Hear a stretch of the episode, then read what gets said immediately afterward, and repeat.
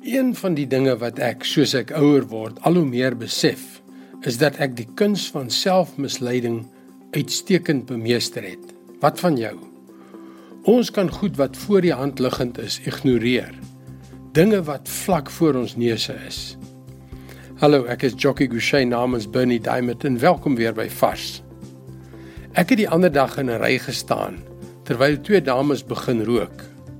Een van hulle hoes baie erg En toe sy haar sigaret aansteek, draai sy na haar vriendin en vra: "So wat dink jy, is dit bronkietis?"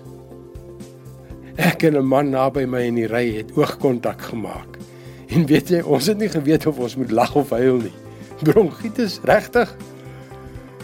Maar doen ons dit nie almal nie? Ja, ons doen dit. Laat ek dit maar kalkop sê. Ons doen regtig onnosel dinge.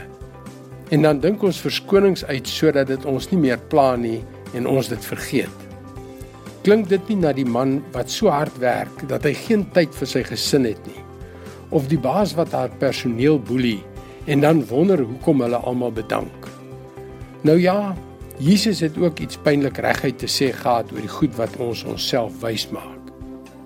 Johannes 8 vers 31 tot 34. Toe sê Jesus vir die Jode wat in hom glo: As julle aan my woorde getrou bly, is julle waarlik my disippels. En julle sal die waarheid ken en die waarheid sal julle vrymaak. Hulle het hom geantwoord: Ons is die nageslag van Abraham en was nog nooit iemand se slawe nie. Hoe kan jy sê julle sal vry word?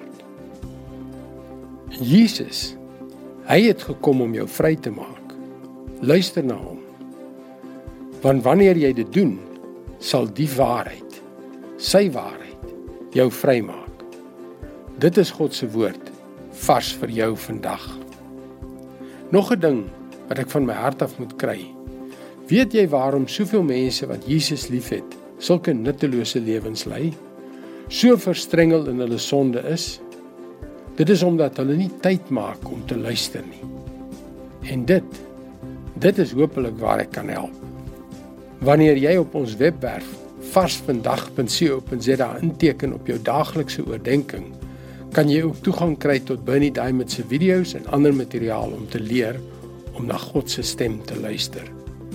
Mooi loop, tot volgende week.